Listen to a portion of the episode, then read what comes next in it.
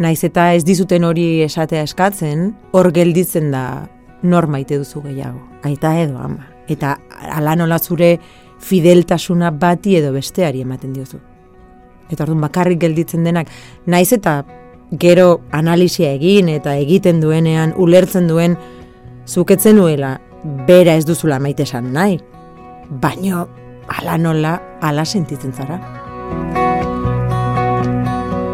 Korapilloak podcasta inigo antxorregirekin. Got no time, got no mind. Leire Martinez, ongi etorri. Ba, bai, mi esker.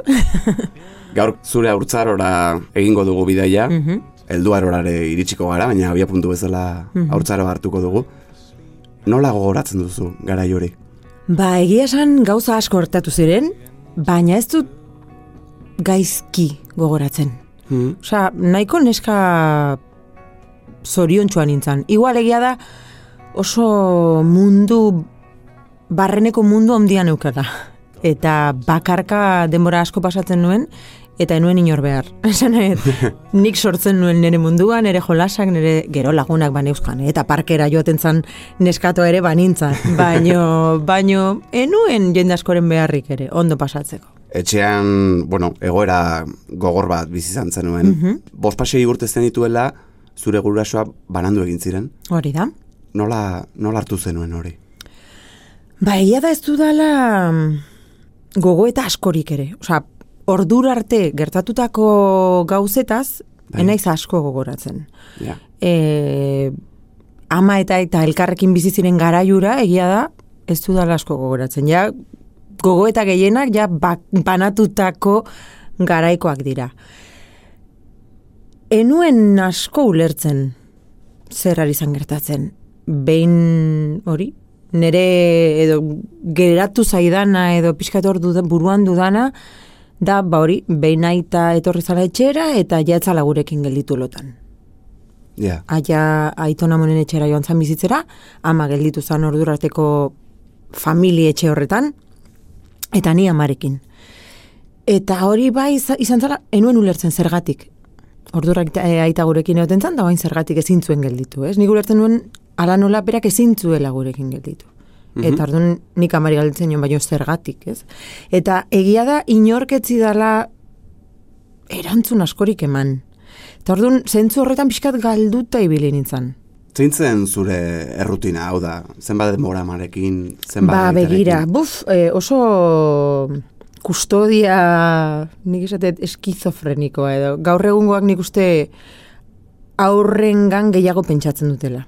Aha, Garai horretan, ez daki zergatik edo mm, zeintzan arrazoia, baino e, pasatzen nuen, berez, nik beti egiten nuen loa amaren etxean, asteburuak ez ezik, aitarekin pasatzen nituen asteburuetan bai joaten nintzela aita bizi izan lekura, Eta gero astean zehar, banituen bisitak. Baina bisitak ez ziren orain egiten den moduan, ba, igual astean behin batekin ez. Ni neon, ba, aste batean baldin bazan astelen asteazken eta ostirala batekin, ba, bestarekin aste arte ostegun eta asteburua.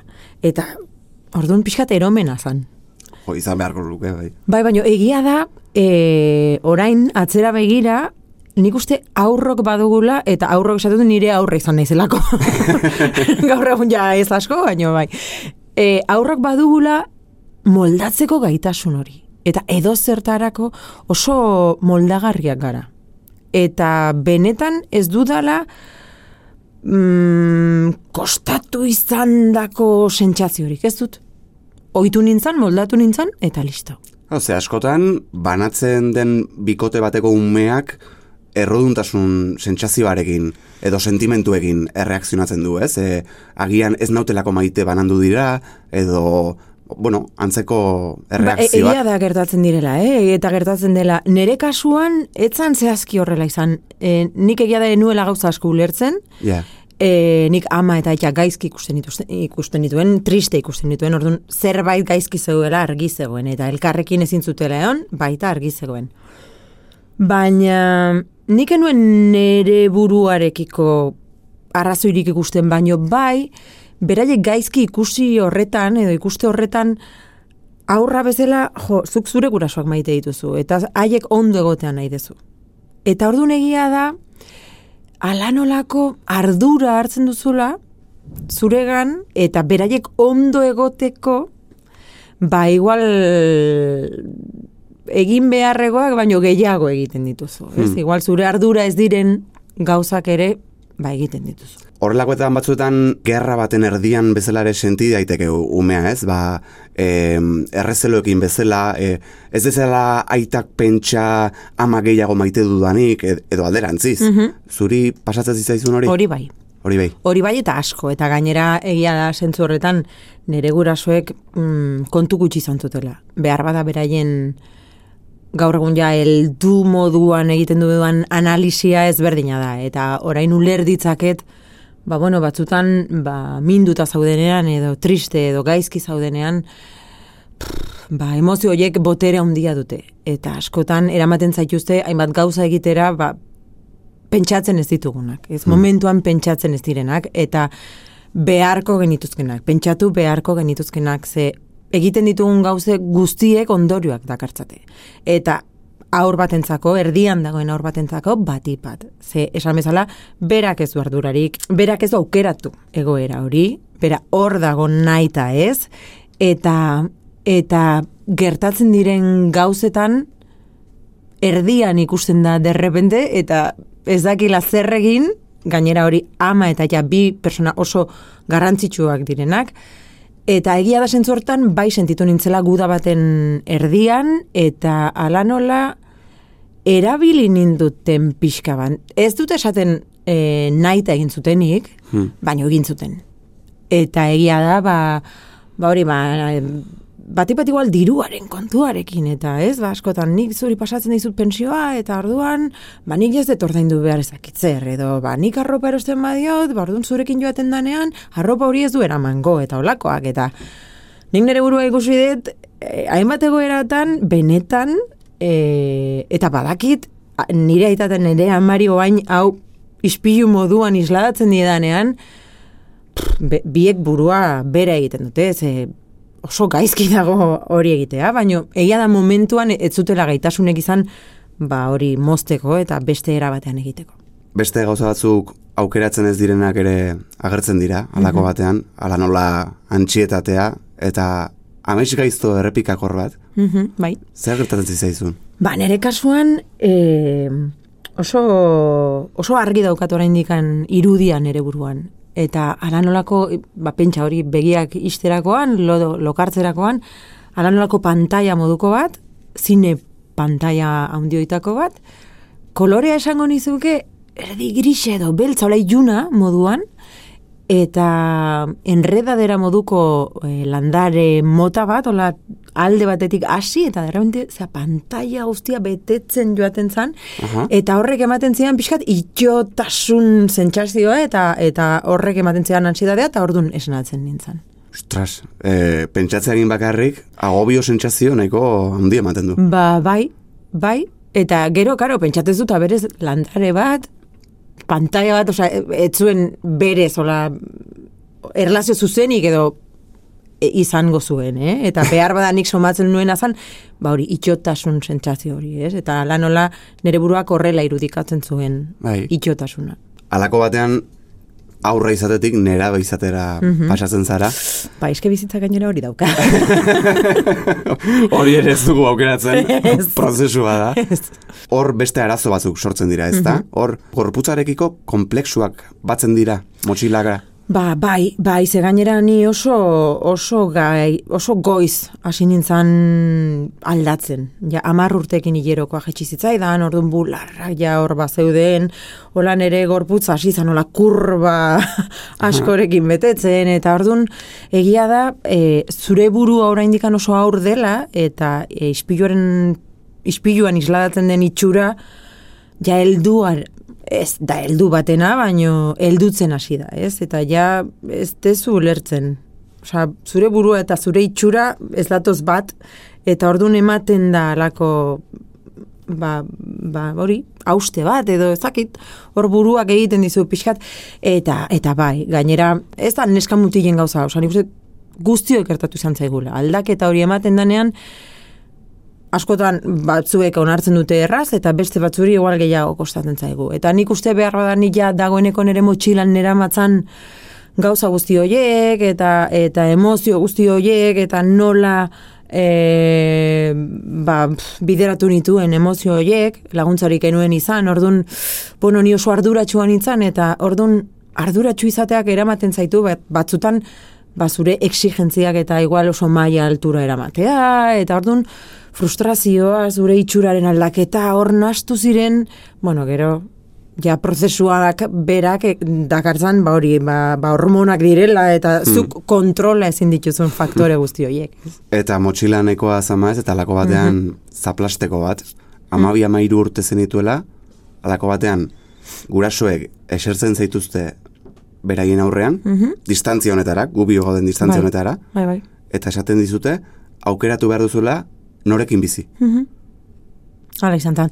Ba bai, ze, bueno, ba, esan dizut ala nolako kustodia es, mm, eskizofreniko izan zala, ba, azte batean batekin, bestearekin egun batzu, besteekin ez dakizar, baino e, zikloka beste, bestela antolatu zuten, ez? Lehenengo lau urteetan, bost urtetik behatzi urte bitarte, amarekin bizitu nintzen etxe horretan, Mm. e, oiko etxe bizitzan, eta e, behatzi urterekin aitarekiko al, e, saltoa edo aldaketa eman zan.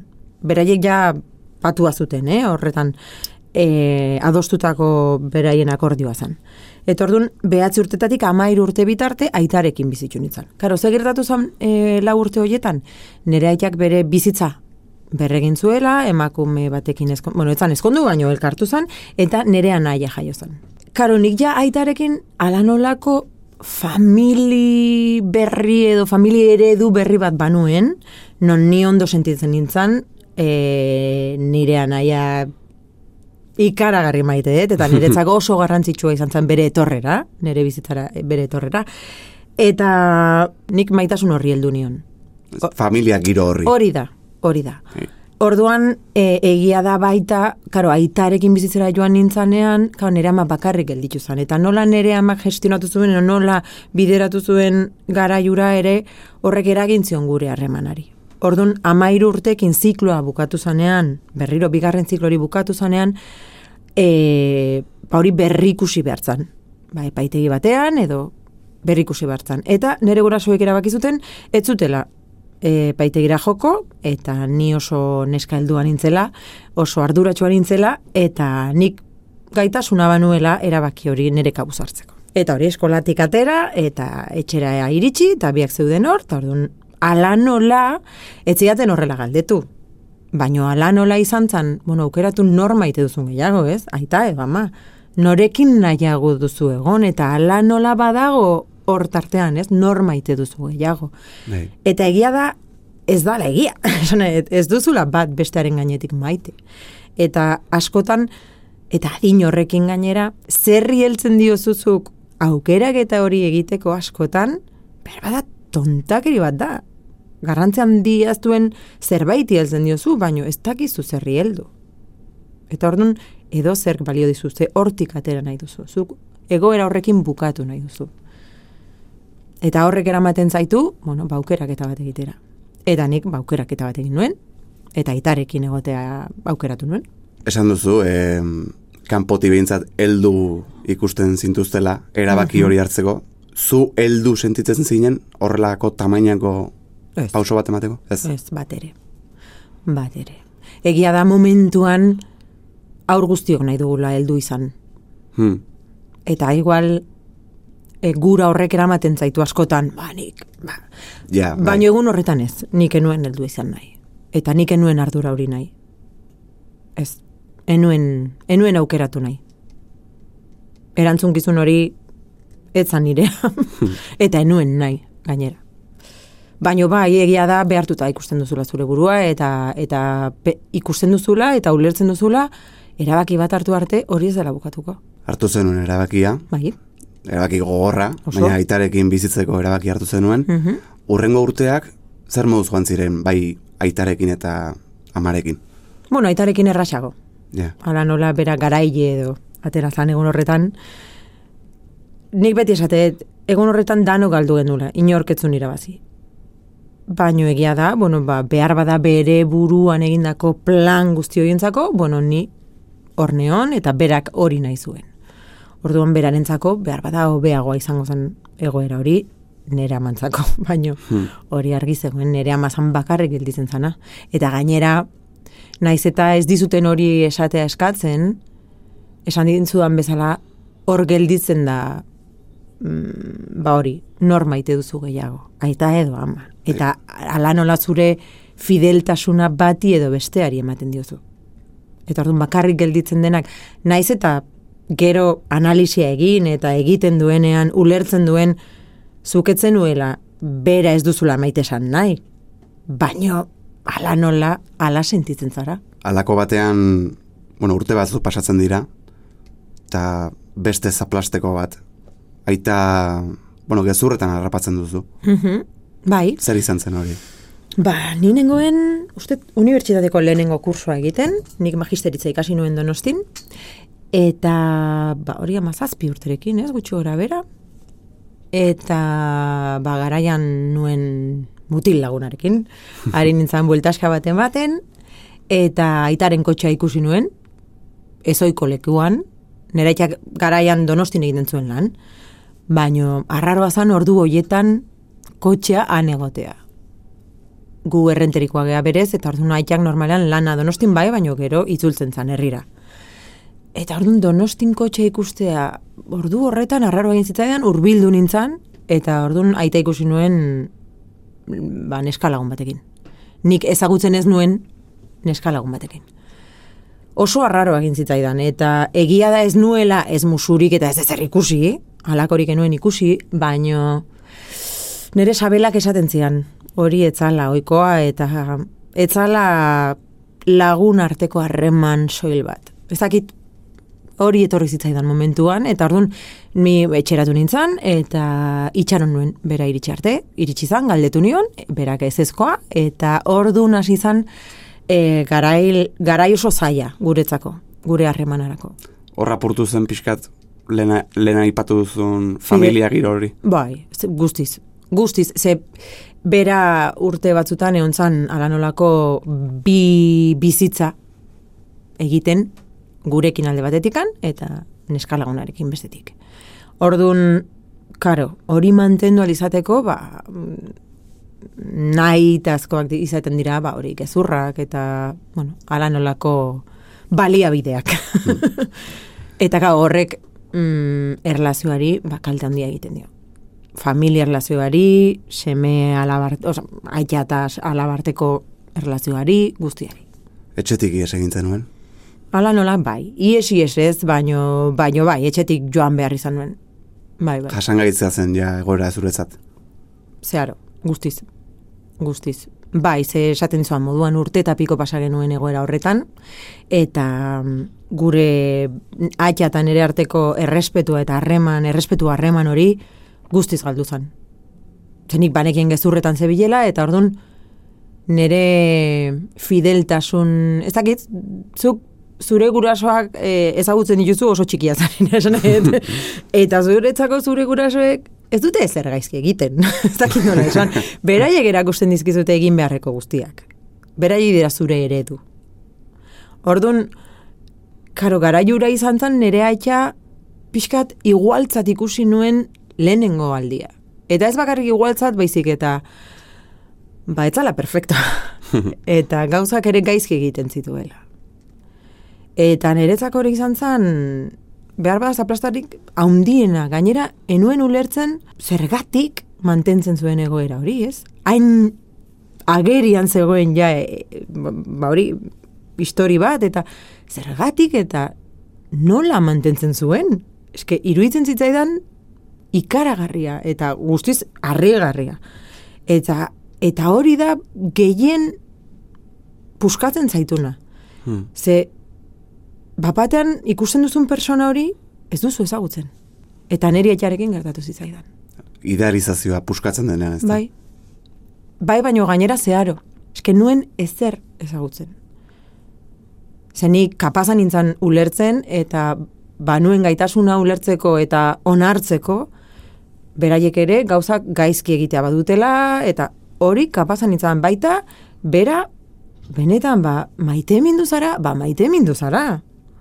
Ez dakit nola esan, ba, igual, min emango dit, banaketa, ez dakit zer, bueno, baino, onartu, ez dakit aurre giozu egoerari, baino, gezurrak, eta, gau, eske, gezurretan hasten zarenean, eske, prozesua, buf, asko nasten da, ez? Pentsa, gau- o- gaur egun pentsatzen dut heldutasun honetatikan eta esatet, eske berak zuen presioa izango zuena, Osea, berak erabakia eta berak eragina, baino presioa izango zuen, etzekila nondik atera seguru, eta eta ansiedade handia izango zuen, horrek eraman zuen, ba, bueno, ba, emozioak nola bideratu zitun, bueno, ba, atera ziren nik ordura arte ikusien dituen beste emozio batzuk, ba, indarkeri pixka bat, aserrea, ez dakiz zer, ba, nik ordura arte ikusi ez nituenak, edo ezagutzen ez nituenak.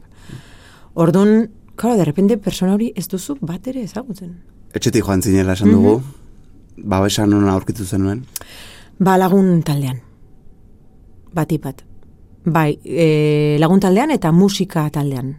Ni dagoeneko abesten hasian itzan. E, berbena talde batean hasi nintzan, eta bigarren urtean, e, ja bodak eta egiten genituen, eta lako orkestatxo txiki bat sortu genuen. Eta lau boskide ginen, ba, beraiekin asko babestu nintzan, eta, eta gero nere kuadrilla, lagun kuadrilla. Beste lagun bat, modu batera deitzeko honi. Beste lagun bat ere agertu zen. Ez hain jatorra. Depresioa. Mhm, bai. Bueno, izena agian. Izena jarri genion, hori da. Izena jarri zenion. Bai. Zer izan zen hori zuretzat? Eske nere burua ez dakit, ezintasuna sentitzen duzu. Ezin duzula zure eguneroko bizitzari aurrekin. Nik ezin nion. E, txeti joan nintzanerako ja e, karreran bigarren mailan nengoen, lehenengo kuatrimestra edo, lau hilabetekoan nengoen, eta ikusten nuen enitzala ikasteko gai. Osa, e, nere burua etzegoen ja hor, ezin nuen. Eta gainaka horrek sortzen dizkizu beste arazo batzuk. Ze ordura arte ni bete ikasle ona izan anitzan, nota onak ateratzen zituen oitakoa, niretzako ikastea erraxa zan, zailtasunik genuen sekula izan, eta karo, ikusten duzu zure burua ezin dezula, ezin dua. Eta esatezu, ostras, eta horrek zure, bueno, ba, zure barne maitasun horri edo egoari edo nola esaten zaion, ez? Ba, kalte handia egiten dio. Hmm. Hori ja kaltetuta zegoen beste guztiarekin bateratuta. Eta ja esan dezun moduan ja izena eman genion. Ze ja medikura joan nintzan eta izena jarri genion, ba nere sintoma guzti hoiei izena eman genien. Ze, claro, de repente igual egun batean jekitzen nintzan eta gorputz osoa ala nolako erupzio moduko batekin, ez? Eta betileak gero izitzaizkidan. Betile gabe gelditu nintzan. E, gero, bueno, ba, loarena, no, lo gutxi egiten nuela, eta baino, hasi nintzan, ala nolako tokeak izaten, eta ja lagunek ere santzaten, i, venga, eh? Zaindu. Eta orduan, bueno, medikura jo nintzan, hor hasi nintzan tratamendukin, pirula e, tratamendukin, eta e, momentuan ez, baino bi urte, ze hasiera batean psikoterapiarekin hasi nintzan, baino baino bidea niretzako ezan egokiena izan, ze konduktuala izan zan, eta niretzako ezan Ja. oso fina izan, edo baliogarria esan genezake. Eta ja psikoanala, psikoanalizia ezagutu nuen arte, ba horri bilintzan, pixkat joan etorrian, ez? Nire terapiak bilatzen edo, bueno. Esan duzu babesa baita ere topatu zenuela musikan. Babesa eta heldulekua ere bai? Egia da, e, musika beti izan dela txiki txikitatik hori bai, eh? helduleku. Ze esan dizuan moduan nik banuen mundu barren bat, ez? Eta, eta musikak betetzen zuen mundu hori askotan, edo gehienetan. Niretzako beti bazeuen, e, ba hori, nik musika jartzen nuen eta horren inguruan eraikitzen nuen nire jolasa. E, beti mozorrotuta eta antzerki modukoak egiten, baino musika beti hor horratzen zegoela. Eta, eta orduan, etxean abestu egiten genuen, musikak bazuen bere lekua, sekula enuen nere burua musika munduan ikusi, eh? baino egia da, musikak bazuela nere bizitzan lekua.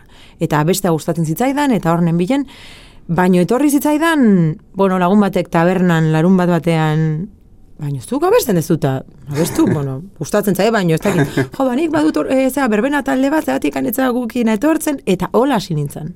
Osa, ni berez enun bilatu ezer. Nik enuen musikara dedikatu nahi, enuen pentsatzen horretan. E, baina horrela iritsi zan, hasi nintzen, pixkat, bueno, froga moduan edo ondo pasatzeko, eta egia da ja etxetik joan nintzanean behar moduan zenik ja fakturak ordaindu behar nitun, eta orduan dirua behar nuen horretarako. Eta niretzako e, musikak hori bazuen. Niretzako abestea erraxa zan, ez zidan lan gehiagirik suposatzen, eta orduan ba, bodatan eta abesten eta nik lortzen nuen behar nuen dirua aurrera ateratzeko. Eta horrela hasi nintzen. Orduan egia da, helduleku izan zala, baino nere beharrei aurre egiteko. Alako batean, una, afizioa ofizio bilakatzen Bai. da, eta ofizioari handik urte batzutara beste elementu bat gehitzen zaio. Mhm. Foko publikoa.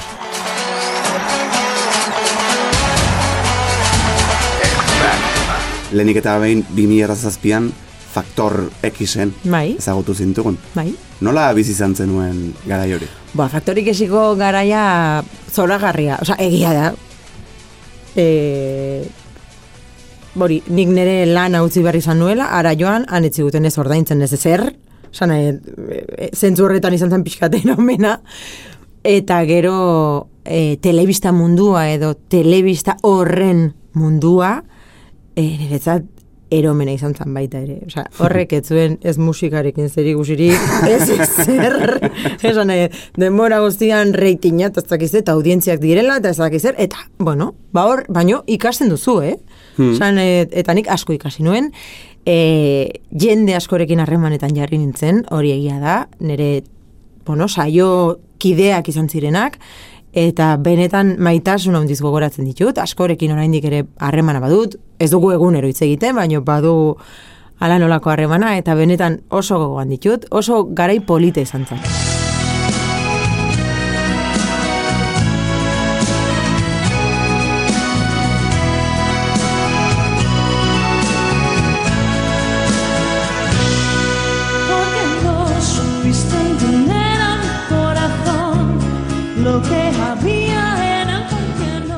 Piskat, zure etorkizuna imaginatzen duzun momentu hori, eta esatezu, oh, ostras, eske honek, nora eramango nau, ez? Eta hainbesteko galderak daude, eta hainbesteko, eta danak dira emozioak, danak. Eta bueno, ba, ba niretzat oso garai politia izan zen. Egia da hori, eh? diru aldetikan eromena, ze bizi behar nuen, eta enuen dirurik, eta arduan pixkat, baino abentura moduan oso ona izan zen. Eta nola kudeatzen du pertsona batek, ba, egun batean kaletik lasai ibil, ibiltzetik, urrengo, bueno, egunean, edo handik denbora gutxi bintzat, kalera irten eta mundu guztiak ezagutzea. Hori, Ba, niretzat ala izan zen, eh? Ze, adibidez, faktorek izan gertatu zitzaidan, e, ni maiatzean sartu nintzen saioan, eta ustaian ateran nintzen, justu e, San Fermietarako. Hala, Justu. Karo, ni erdina parra naizenez, e, beti danik San Ferminetara joateko, bueno, ba, beti, beti izan dugu, kuadrilla, eta beti San Ferminak zirela, eta, bueno, orduan, noski, ni saiotik atera nintzen, nire bizitza, ba hori sartu horretikoa izango baliz bezala, esan nahi, orduan ni atera nintzen, eta orduan nire asmoak ziren, ba San Ferminetara joan, eta egin nuen, eta ja, lagun, lagunekin San Ferminetara joan ginen. Kara, iruña jendez gainezka. Bueno, San Ferminek diren moduan, ez? Eta de repente, estafetan edo edonon, eh, leire, eh, leire! Eta esatezu, baina zer da? Osa, zergatik dakiten ere izena. Eta hor bai saumatu nuela, lehenengo aldiz, e, ba, impactura, ez? Nola telebistak eramaten zaituen, e, hainbat, e, hainbeste jenderen etxera.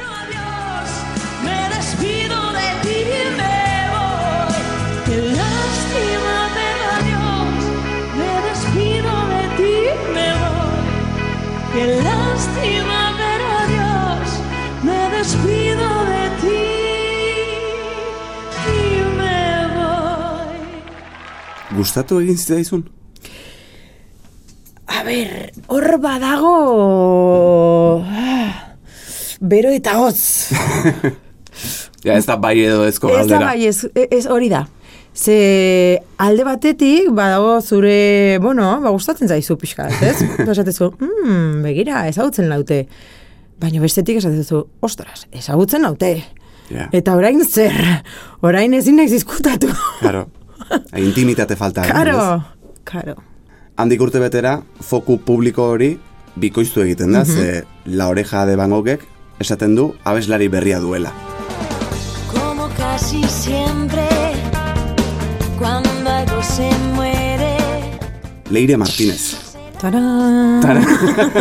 La decisión de Leire creo que la tomamos sin exagerar en 8 segundos. Se puso a cantar. Fue el, el único caso, el único caso donde, donde nosotros fuimos a, a tocamos su puerta. Me lo planteé como, venga, voy, les conozco y paso un día, una experiencia. Sé que va a haber comparaciones, lógicamente. Igual que yo las haría, ¿eh? Pero, hombre, nerviosa estoy para lo que se me presenta y tengo ese toque, de ese punto de tensión, ¿no? De a ver. Pero miedo intento no tener. Intento quitarle mucho hierro porque no me va a ayudar. Pentsatzen dut hor, foku publikoaz gain, beste gauza batzuk ere bikoiztuko zirela, ez? Ala, esan Bikoiztu edo, edo ezakit, eunkoiztu, ezakit nola esango, dut. bai, bai, bai, bai, bai, zeharo, hor bai, zeharo aldatu zala.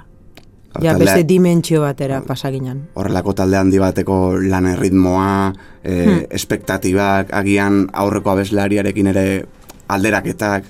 Bai, guztiz, eta gainera, e, karo, 2008an izan zen. Pentsa, zer ari izan gertatzen garai horretan, sare sozialak, internet eta mundu guzti horrekin. Bai. Ze orain 2023an dagoeneko pff, sare sozialak pff, da, bueno, danuk badakigu nola dauden eta baino garai horretan etzan hasiera, hasiera baino hor ari ziren. Bai, etortzen ari ziren. Hori da. Orduan pff, zeharo aldatu zen nire bizitza. Zeharo. Ba esaten dezuna. Ba Hori, alderaketak direla, e, nola askatasun guztiarekin jendeak edo zer gauza esaten duen. Hortara ez geunden ohituta. Ja Hmm. gaur egun ohitu gara. Ezakita gona den horretara ohitzea, baino ara nola eginda gaude hortara. Garai horretan ez, eta niretzat oso gogorra izan zen. Egia da, nik, nik ja banera matzala urte batzuk e, terapiarekin eta, eta ikasiak nituela, ez justu horretara bideratutako baliabideak, baino bai nere burua pixka bat zaintzera ja ikasten hasian neon. Hmm. Orduan mm, nere helburua izan zen, nere burua zaintzea. Me miras, te miro y suspiras. Yo cierro los ojos, tú apartas la vista. Apenas respiro, me hago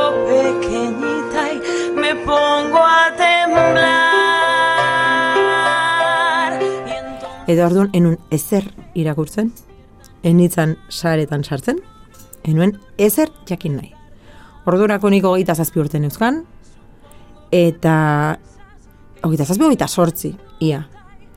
Eta enuen kaleko inork neri esaterik ni nor nintzen.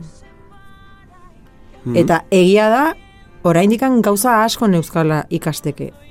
Baino bai gauza honak eta txarrak, edo ni nor naizen, ordurako ikasten hasian nintzen. Eta kaleko inorketian, etzidan esango, ni nor nintzen. Ze gainera, eninduten ezagutzen. Zatitxo bat ezagutzen zuten, baina besterik ez. Antxietatea ezagutzen dugunok badakigu behin agertzen denean oso erraza dela bitan, irutan, Ez que ja ez da joaten, zure ondoan esertzen da. Da. Eta, bueno, momentu batzutan igual, lotan dago, edo, bueno, beste gauza batzutan, baina beti da. Garai hauetan berriro esnatu zen? Bai, bai, bai, berriro begietara begiratu genion elkarri. bai, bai, bai, noski, noski. Baina ja gure harremana, bueno, igual lagun arteko harremana zan, eh? Haupa, hemen zaude, venga, ba, a ber, ordun hor ere izan nuen, ba hori, igual pirula hoien beharra, berriro, pixkat lagungarri izateko, hainbat gauzari ba aurre egiteko. Ze gainera hor bidaiak hasi ziren, ordutegi aldaketak, eta horrek asko mugitzen dizkizu, ba, adibez, lotarako, ba, dauden, bueno, lotarako eredua, edo, Bai, duzuna, ohiturak. ohitura, eta, eta, eta, karo, hortan, pixkat, garai, traketxa izan zen, zentzu hortan.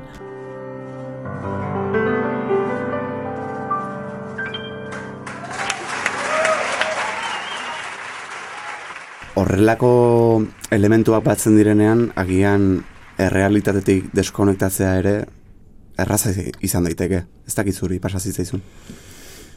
Neri pasazitzaidan azan, pixkat oinak lurretik altxan nituela. Pixkat egan moduan pasanuela, pintzat, pare bat urte, urte terdi edo pare bat urte pasan nituen pixkat aidean. Hmm. Pixkat, eramaten ninduten, eta ni banindoan. Baina nola, eta nora, eta pff, jakin gabe. Edo pixkat, benetan onartu eta sentitu gabe. Eta, eta bueno, baino egia da horrek ere lagundu nindula aurrera ateratzen, eh? Eta proiektu hori, proiektu honi aurre egiten.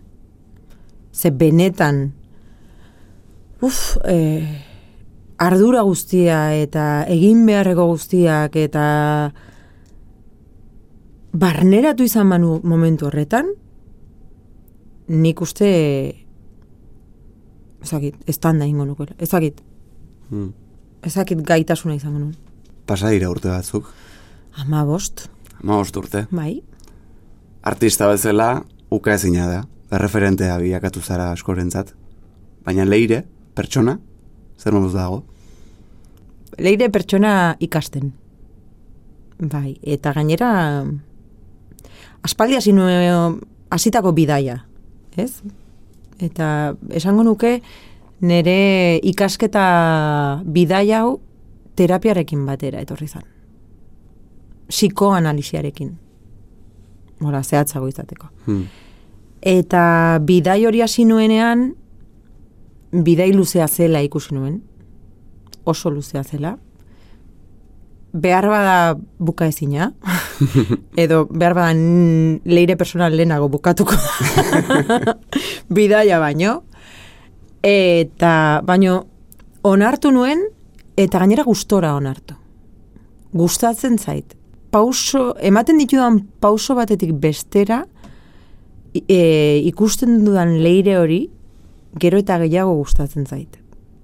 Eta leire horrekin, gero eta hobe, sendo, mm, ziur, eta abar luze batekin, sanet, nere buruarekin gero eta hobe sentitzen naiz. Eta gero eta gehiago gustatzen naiz. Eta niretzako hori garrantzitsua da. Egunero ondo lo egin alizateko, eta edo gertatzen zaizkidan gauzei aurre egiteko, aurpegia emateko. Eta egia da ikasten duzula, ba hori, nik nire burua ikusi nuen nahiko partekatuta zeola. Eta saiatu naizen urte hauetan, zati guzti horiek batzen persona bakarra izan naizen. Ze behar dut persona bakarra izan, eta ez partekatuta egon. Eta persona bakarra izanik izan naiteke ama, izan naiteke e, profesional, eta izan naiteke gauza asko. Baino ezin naiz partekatuta egon. Hitz egin dugu artista bezala izan duzun evoluzioaz, pertsona bezala izan duzun evoluzioaz, leire asko zara, orain leire alabari buruz galdetu nahi dizut.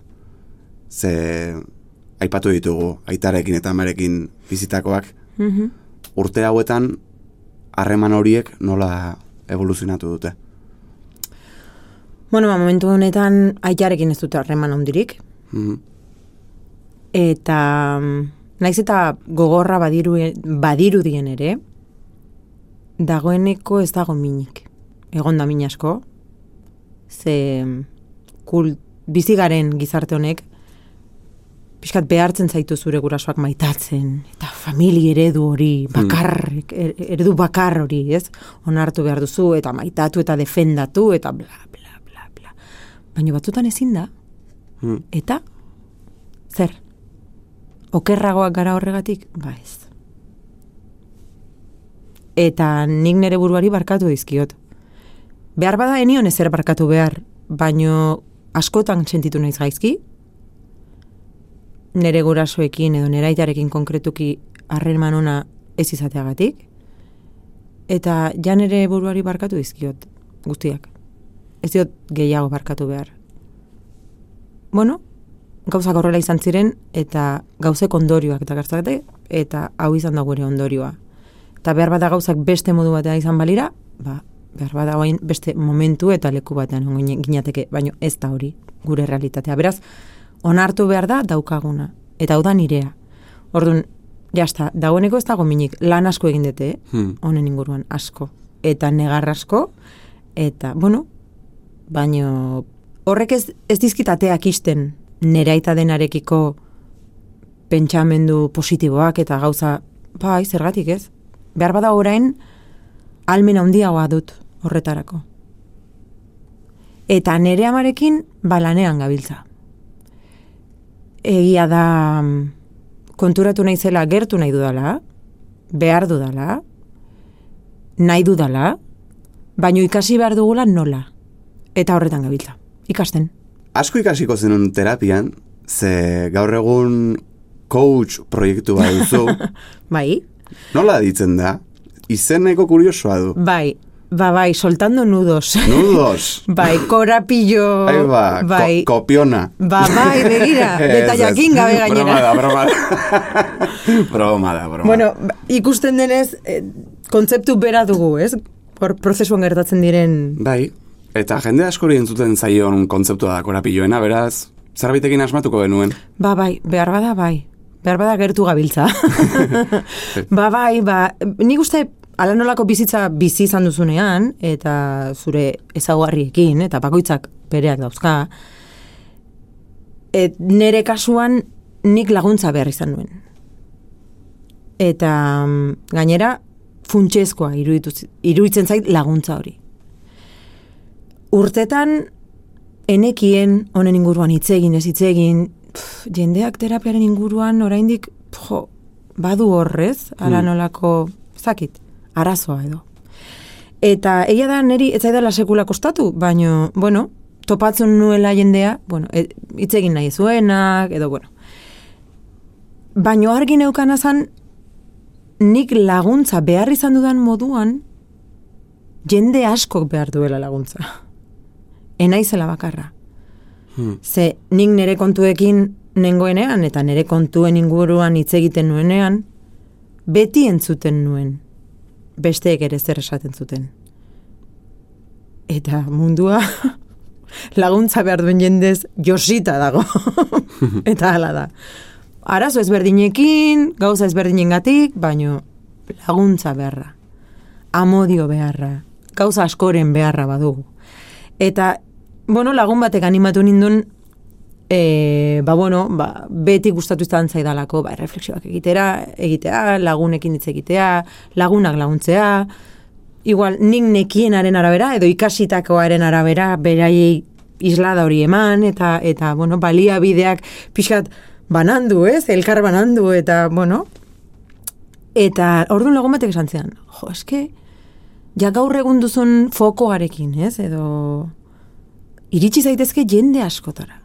Eta behar bada ongarria izan daiteke edo jende asko lagun dezakezu. Eta esan, jo, ba, zergatik ez? Eta gero nire prozesu personalean konturatu nintzen benetan niretzako zeintzuk ziren gauza garrantzitsuak. Eta ni postel nauten gauza horiek. Eta nik postasuna sentitzen dut laguntzen dudanean. Eta orduan hortik suertatu zen. Soltando nudos, eh, eta proiektu hori. Ba, segi, korapilloak eskatzen, Bai. segi jendeari laguntzen, eta azken galdera gana dizut egin. Mhm. Haurtzarotik abiatu gara, guazen berriro ara. Zer esango zenioke leire aurrari? Ah. Egin dut gainerarik eta hau, eh? bai, be, gainera behi da konfinamendu garaian. Eta niretzako izan zen katarsi moduko bat. Bai, negar eta negar eta negar eta negar egin nuen. Eta mm, buruan neukan gauza bakarra edo lehenengoa behintzat, izan zen elkarren arteko besarkada bat. Gainera aska ezina.